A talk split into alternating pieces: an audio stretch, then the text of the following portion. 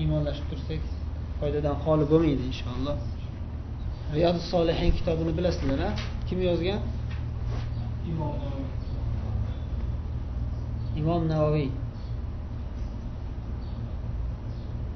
Imom navoiy deb mashhur bo'lganlar. Navo qishlog'idan. Eng katta eng mashhur eng barakali ulamolardan bo'lganlar. Eng mashhur kitoblaridan yana bittasi eng kichkina kitoblari arbaini navoiy bilasizlar qirq hadis deb qo'yiladi o'zi qirq ikkita hadis to'plab yozganlar eng muhim hadislar deb tanlaganlar. Va uni keyin shundan keyin ibn rajab rahimaulloh kelib unga yana sakkizta eng muhim hadislardan tanlab qo'shib sharhlaganlar. Jamiul ulum val hikam degan kitob ellikta hadis sharh ana shu hadislarni ham o'tgan yillari qo'ldan kelgancha qisqa qisqa izohlar bilan sharhlagandik. Uni ham talaba saytidan kirib eshitsanglar bo'ladi foydali bo'ladi inshaalloh. Ya'ni boshlang'ich talabalar shunday tartibda boshlagani yaxshi. Birinchi arbain navoiya yodlash bilan yodlab chiqqan yaxshi. Keyin riyozi solihinni dars iymon iymonlashish sifatida o'qib turilsa yaxshi. Bir marta emas ikki marta emas. Qayta qayta o'qib turish kerak chunki inson doim iymoniga xuddi suv quyganday iymonni sug'orib turish kerak. Mana daraxt borku daraxt daraxtga suv quymasa nima bo'ladi? Qurib qoladi. Inson qalbi ham shunday. Iymoniy nasihatlar bilan eslatib turilmasa qalb qurib qotib qoladi. Shu qalb yangi bo'lib turish uchun qalb rivojlanib turish uchun hay deb qo'yadi arabchasiga hayot haqiqiy hayot bilan yashash uchun qalbun hay bo'lishi uchun iymon suvlaridan quyib turish kerak. Mana shu riyodu solihin shu borada eng barakali eng muhim kitoblardan butun islom olamida masjidlarda qo'yib o'qib turiladi tez tez xatm qilib turiladi. Boshqa kitoblar ham bor ya'ni bu shulardan biri ya'ni. Muhim kitoblardan biri. Biza shu hadis e, shu kitobdan o'qib oltmish uchinchi hadisga kelgandik. Oltmish uchinchi hadis e, o'zi beshinchi bobga to'g'ri keladi. Beshinchi bob muroqaba bobi degan bob. Ya'ni mavzularga qarab taqsimlab falon mavzuga taalluqli bob deb turib o'sha mavzuga e, oid bo'lgan hadislarni to'plab shunga sarlavha qo'yib raqam qo'yib yozilgan. Beshinchi raqamli bob muroqaba bob. Muroqaba deganda nima? Alloh taoloni kuzatib turishlik bu alloh taolo sizni alloh taolo sizni kuzatib turganligini kuzatib turishlik. Yana boshqa ibora bilan aytganda nima deyiladi? Hudurul qalb qalb hozirligi. Al xushu xoshiya bo'lish. Namoz o'qiganda xushu bilan o'qish kerak deyiladiku. Xushu bilan o'qing deyiladi.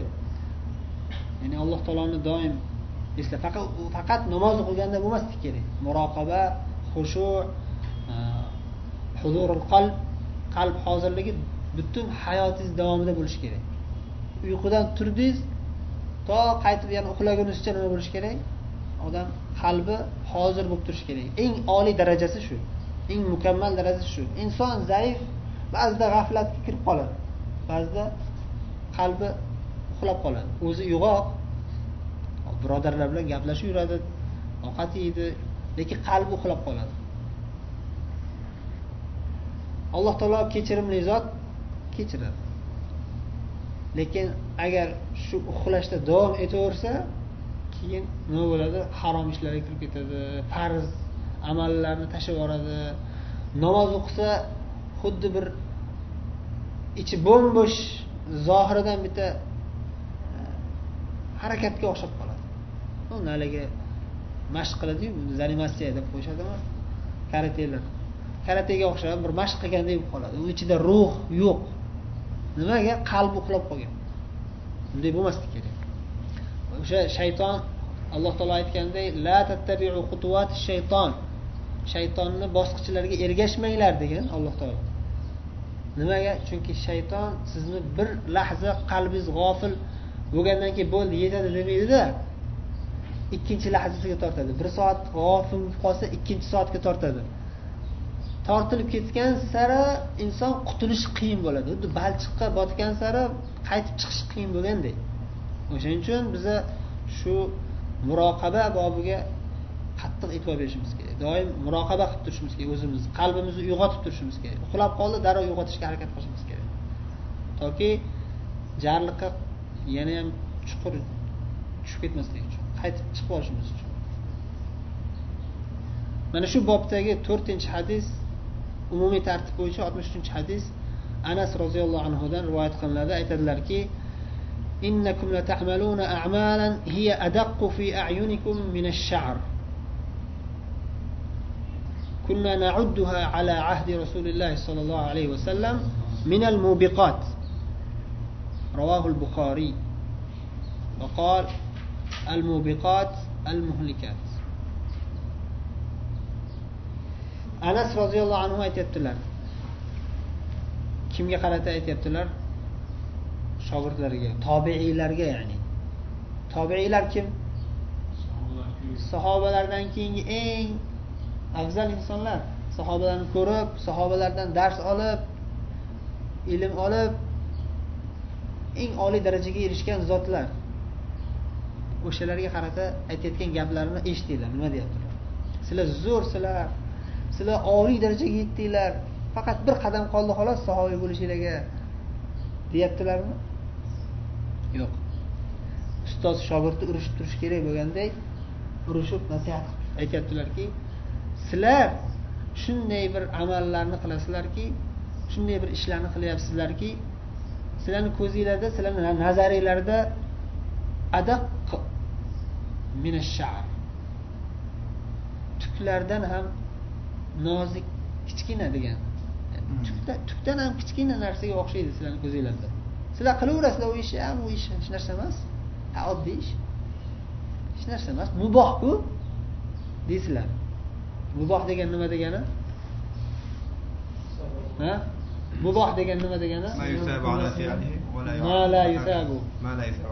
ma la yusabu ala ahsanta qilsa ham savob bo'lmaydi qilmasa ham gunoh qilsa ham gunoh bo'lmaydi savob ham bo'lmaydi. Ya'ni o'rtada u yoq ham emas bu yoq ham emas.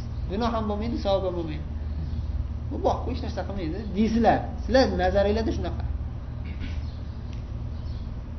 Lekin biz ya'ni kim? Sahobiylar ya'ni. Kunna ala ahdi rasulilloh sollallohu alayhi vasallam minal mubiqat. Rasululloh sollallohu alayhi vasallamni davrlarida biz ya'ni sahobiylar mubiqot muhlikat deb sharhladilar. Halokatga olib kirib ketadigan narsa bu. Xatarli narsa bu deb qo'rqib turardik. Ya'ni sahobalar bilan tobeinlarni farqini ko'ring sahobiylar qay darajada ehtiyot bo'lishgan iymonlariga amallariga qilayotgan har bir ishim xudoni rozi qiladigan ishmi yoki ha mubohku deb turib e'tiborsiz qilyapman. E'tiborsizlikni o'zi katta gunohda o'shaning uchun aytyaptilar ayb muboh. Bir muboh bo'lsa mayli olloh muboh qilgan ekan mayli foydalaning. Lekin qo'rqib ham turingda balki bu muboh shaytonni bir bosqichi bo'lsa tortib ketayotgandir mana deb qo'rqish ham bo'lishi kerak. Inson mo'min kishi ulamolar salaf solihlar aytganday ikkita qanot o'rtasida yashaydi. Ikkita qanot bilan yashaydi. Qush ikkita qanoti bo'lmasa ucholmaganday mo'min kishi ham ikkita qanoti bor. U qanot o'sha qush qanotiga o'xshagan qanot emas ma'naviy. Bir tomoni umid orzu ollohdan umid qilib turadi. Ha yaxshi. Alloh taolo rahmli zot kechirimli zot. Olloh marhamati kengligida mana shu ishni muboh qilib beribdi menga ovqat yeyishni uxlashni uylanishni allohga shukur deb umid bilan bir tomondan umid bilan qiladi o'sha ish muboh ish bo'lsa. Va haddan oshirolmaydi ha? Muboh ekan deb turib o'n kilo yigirma kilo osh ovqat yeb go'sht shashlik qilib faqat qornini shirib yuravermaydi. Balki ocharchilik ham kerak bo'ladi. Bir kun ochardilar rasululloh alayhi vasallam bir kun och yashardilar bir kun to'q yashar to'q yashaganliklari ham oshqozon uchdan biriga yetmas edi endi bu gaplar cho'zilib ketadi sharhlasak aytmoqchi bo'lganimiz muboh ishni qilayotganingizda misol uchun mubohligini bilib shunga ruxsat borligini bilib allohga rahmat aytib hamd aytib qilasiz. Va allohni marhamatini his qilib umid bilan. E, lekin shu bilan birga qo'rquv bo'lib turishi kerak a ikkinchi qanot nima ekan? Qo'rquv. Mo'min kishini ikkinchi qanoti nima? Qo'rquv. Qo'rqib ham turishi kerakki mana shu ish balki harom ishga yoki makruh ishga yetalab ketib qolmasmikin mana tortib ketib qolmasmikin deb qo'rqib turish kerak.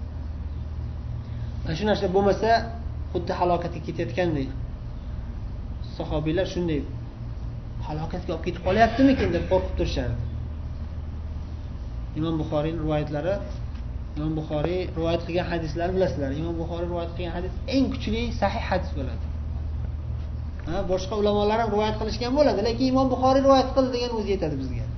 Ulamolar shu qoidaga kelishishgan.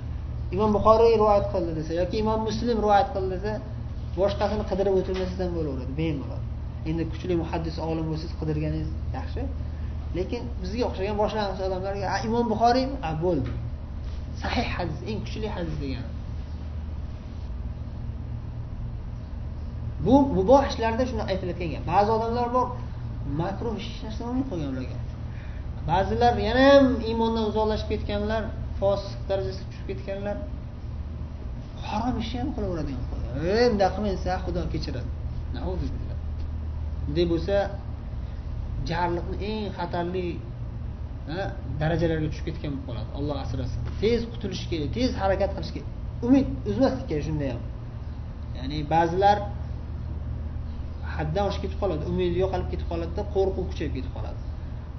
Fosiq odam ko'rsa aroqxo'ri ko'rsa yoki sigaret chekayotgan odam ko'rsa voy bu yaramas ekan bu odam bu kofirga kofirga o'xshab qolibdi bu odam yaqinda kofir bo'lib ketadi bu odam deb turib birovlarni ustidan hukm chiqarib tashlaydi bu juda xatarli narsa o'zini qilayotgan ish katta xatarli gunoh.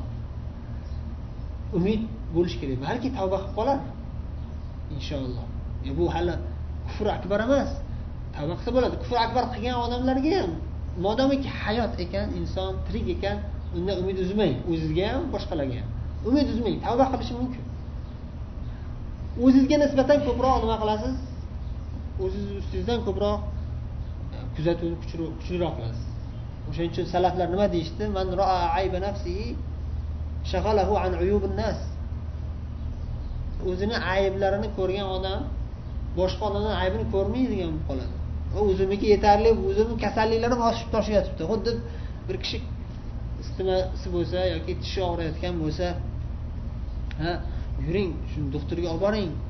Desa o'zimni boshim og'riyotibdi mani o'zimni qornim og'riyapti. O'zim kasalliklarim to'lib toshib yotibdi boshqa odamga vaqti yo'q deydi ba'zilar. O'shanga o'xshaydi.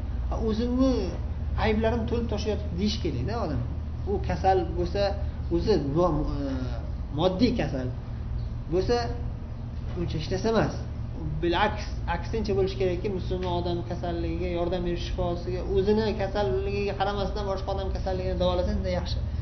Lekin iymon masalasida qalb masalasida aks bo'lishi kerak. Birinchi o'rinda o'zini kasalliklarini o'zini aybini tuzatish kerak. Boshqalarni aybini qidirmasdan. Ko'rsa birodari bo'lsa gapini ko'taradigan tushunadigan bo'lsa nasihat qilsa yaxshi ey birodar sigaret chekmang. Sigaret harom. Nimaga? Chunki zararli. Rasululloh qaytarganlar zararli narsalardan deb nasihat qilsangiz chiroyli gapirsangiz qabul qilsa bu yaxshi. Lekin birovlarni aybini qidirib yurish aytyapmiz ya'ni bu odam bunaqa bu odam bunaqa deb turib bu narsalar bilan shug'ullanmaslik kerak. Ho'p oltmish to'rtinchi hadisni o'qib to'xtaymiz inshaalloh. Sizlarni ham ko'p vaqtinglarni olmayman. Oltmish to'rtinchi hadis va bu bobdagi beshinchi hadis bo'ladi bu. Beshinchi bobning beshinchi hadisi bo'ladi. Abu hurayra roziyallohu anhudan rasululloh sollallohu alayhi vasallam aytdilar إن الله تعالى يغار وغيرة الله تعالى أن يأتي المؤمن ما حرم الله عليه متفق عليه rasululloh sollallohu alayhi vasallam bu hadisda aytyaptilarki albatta alloh taolo rashk qiladi rashk keladi alloh taoloni ham rashki bor rashk nima degani? Kayfiyatini bilmaymiz biz. Alloh taoloni sifati deb aytamiz. Lekin bir narsadan g'ash kelishga aytiladi. Yani o'zbek e, insonlarga nisbatan aytadigan bo'lsak bir kishini bir yaqin do'stingiz sizni do'stingiz. Boshqa odamga o'tib ketsa boshqa odam bilan do'stlashib ketsa rashk keladi nima men men bilan yurmasdan u bilan yuradigan bo'lib ketdi. Yoki bo'lmasam bir ustoz bo'lsa dars olayotgan bo'lsangiz shu ustozdan siz eng yaqin shogird bo'lsangiz haligi ustoz sizga qaramasdan boshqa shogirdiga ko'proq e'tibor berib ko'proq sovg'alar bersa man yaxshi o'qiyotgandimu man yaxshi talaba edimku nimaga manga yaxshiroq sovg'a berishmayapti? Turib rashk keladi. Insondagi rashk bu.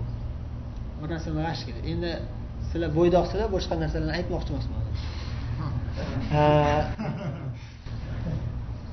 xullas bir narsaga g'azabi kelishi ham g'azabi kelishga ham o'xshab ketadi. Ya'ni g'azab bilan g'ayra farqi bor. U alohida sifat bu alohida sifat. Uni o'zbekchada tushuntirib berish ham qiyin. Arabchada ham tushuntirib berish qiyin bo'lsa. Lekin ulamolar buni aytishgan. Kitoblarga qaytilsa lug'at kitoblariga qaytilsa buni batafsil sharhlab berishadi. Alloh taolo rashk rashkka keladi. Lekin biz alloh taoloni sifati hech qachon bandalarni sifatiga o'xshamaydi. Eng mukammal sifat bo'ladi. Va hech qanday bir noqislik jihati bo'lmaydi. Alloh taolo rashki nimaga keladi? Nimadan rashk qiladi alloh taolo g'ayratullohi taala an yatiyal mu'minu ma harramallohu alayh dedilar hadisda. Davomida rasululloh sollallohu alayhi vasallam aytadilarki alloh taoloni rashki mo'min odam olloh harom qilgan ishni olloh bu mo'min kishiga harom qilgan ishlarni bu mo'min odam o'zi ollohga yaqin odam edi bu. Allohga yaqin bo'lgan mo'min bo'lib turib yana harom ish qilsa nima bo'ladi? Alloh taolo g'ashib keladi ya'ni sen menga yaqin kelayotganding mandan. Nimaga yana mendan uzoqlashib ketyapsan? G'azabi keladi ya'ni. Rashki keladi g'azabi ham keladi. Fosiq odam bo'lsa ya'ni bu fosiqda deyiladida o'zi. Hali gunoh qilib yurgan endi birinchi marta emas u lekin mo'min odam gunoh qilib qo'ysa judayam qattiqroq e'tibor e, tanqid qilinadi qattiqroq nazar bilan qaraladi. Fosiq odamni ham tashlab qo'yilmaydi unga nasihat qilish kerak lekin birdaniga mo'min bo'lib qolmaydida u ham. Sekin sekin tortilishi kerak tashlab qo'ymaslik kerak tortib tortib lekin tepaga chiqqan odam birdaniga pastga tushib ketib qolsa nima bo'ladi? Juda yam xatarli bo'ladi. Bu judayam yomon ish bo'ladi. Shuning uchun mo'min kishi o'zida iymonini himoyasini kuchli qilish kerak. Muttafaqun alayh bo'lgan hadis bu. Ham muttafaqun alayh degan nima degani kim biladi? Buxoriy muslim. Ha abdulloh? Abdullohni otangiz muttafaqun alayh nima degani? Ha eshitmadim rasululloh sollallohu alayhi vasallam aytgan narsani hadis deyiladi. Muttafaqun alayh degani ya'ni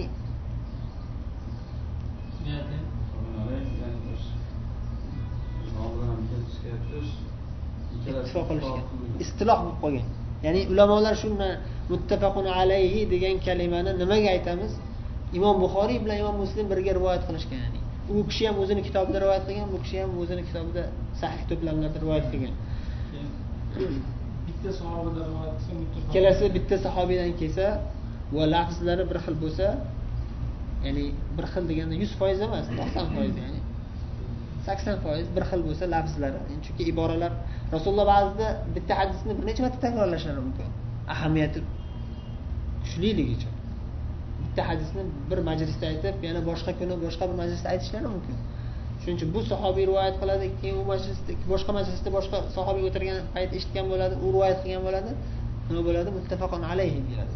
Agar yana ham kuchliroq bo'lib ketsa nima bo'ladi? Mutavotir bo'ladi. Yana ham kuchli bo'lib o'nta sahobiy yigirmata sahobiydan rivoyat qilinsa mutavotir bo'ladi. Eng kuchli hadis bo'lgan. Undaqa hadislar kamroq endi mutavotir chunki ha bitta hadisni yuzta sahobiy yoki o'nta sahobiy bir xil rivoyat qilishi qiyin narsa. Chunki insonlarni yodlash qobiliyati doim bir xil bo'lavermaydida. Bu jihati bor. Keyin har bitta majlisda hamma qatnashavermaydi. Bugun abu bakr o'tirgan bo'lsalar boshqa majlisda abu bakr umarku ko'proq birga o'tirishadi endi.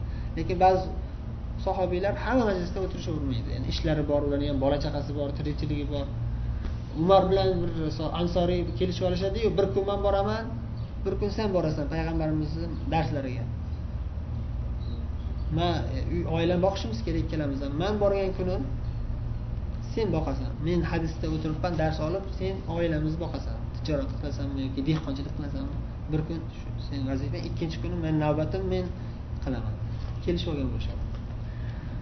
Demak e, harom ishdan uzoq bo'lishimiz kerak harom ishlar alloh taoloni g'azabini keltiradi alloh taolodan uzoqlashtiradi uzoqlashtiradi سبحانك اللهم وبحمدك نشهد أن لا إله إلا أنت نستغفرك ونتوب إليك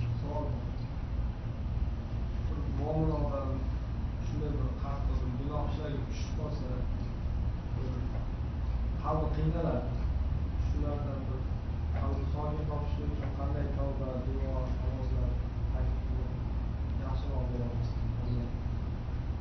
o'sha qalbi qiynalib turishligi iymon alomatlaridan. Inson bir harom ish qilib qo'ysa keyin tavba qiladi. Lekin u tavbasi qabul bo'ldimi yo'qmi bilmaydi. Umid qiladi. Aytdiku ikkita qanotda bu. Inson ikkita qanot orasida yashaydi. Bir harom ish qilib qo'ydi shaytonni vasvasasiga aldanib bir g'aflatda qolib bir harom ish qilib qo'ydi. Lekin allohni marhamati bilan tavba qilishga ulgurdi. O'lim kelib qolmasdan turib tavba qilib oldi. Bu birinchi yutuq. Birinchi yutuq. Darhol tavba qilib oldi. Va alloh taolo aytganda innal hasanati yuzhibna sayyiat gunoh ish qilib qo'ygan odam orqasidan hasanotlar yaxshi ishlar qilsa gunohlarini yuvib tashlaydi ketkazadi.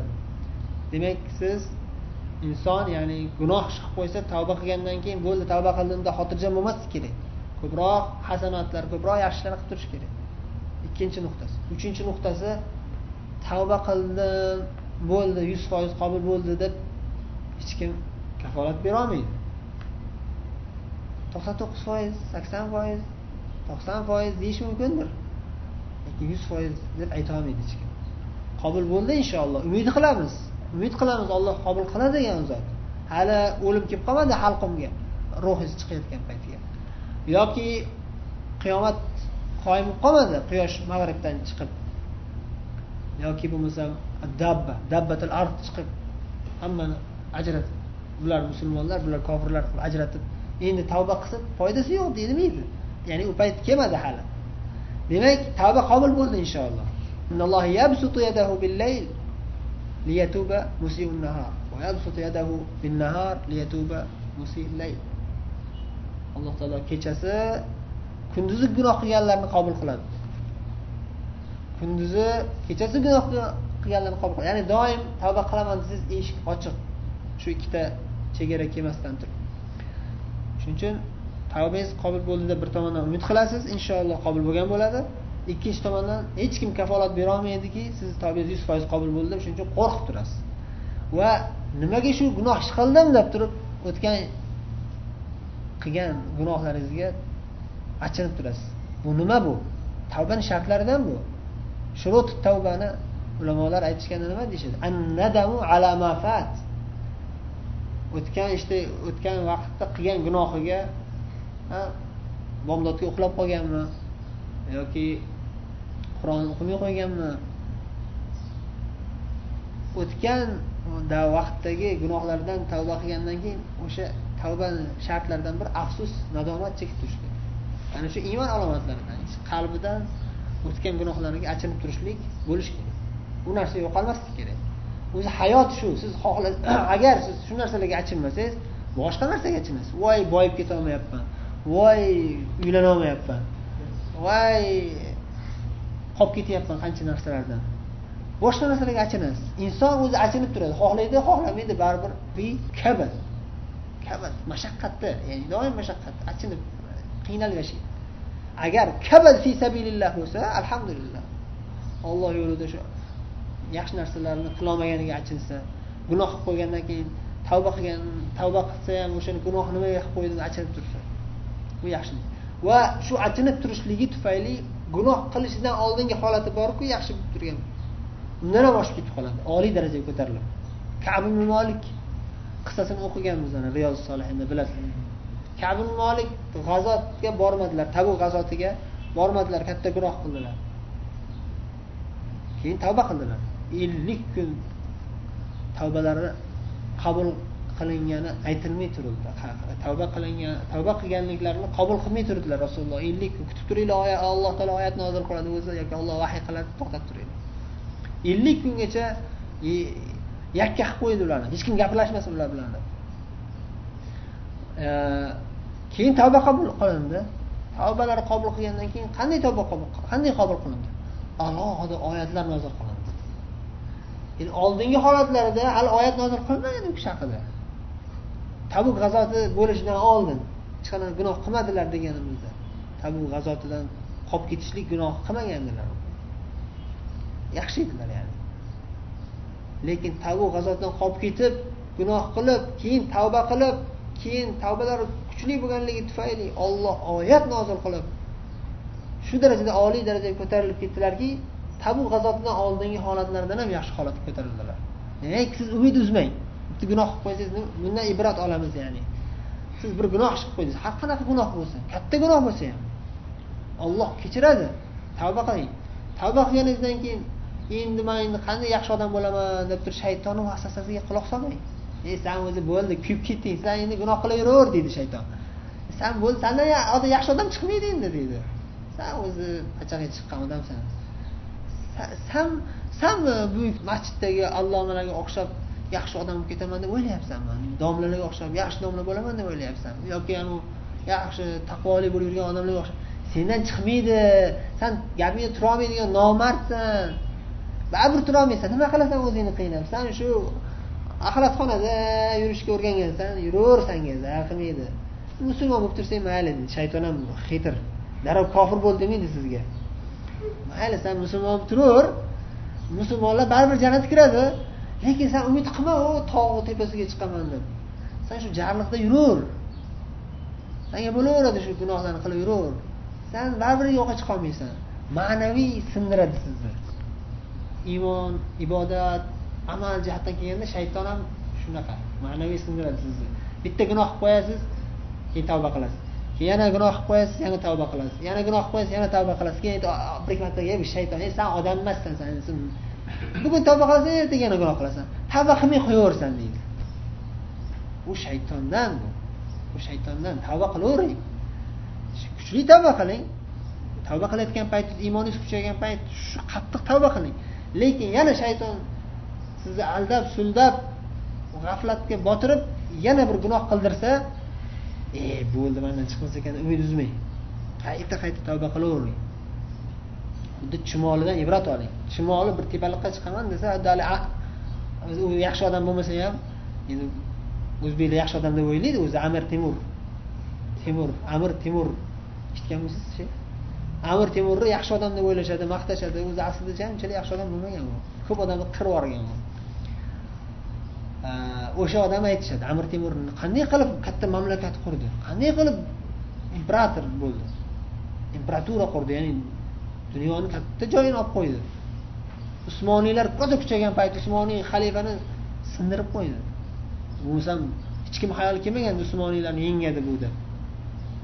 Amir temur o'sha amir temur boshida yutqazgan bir qancha urushlarda mag'lubiyatga uchragan.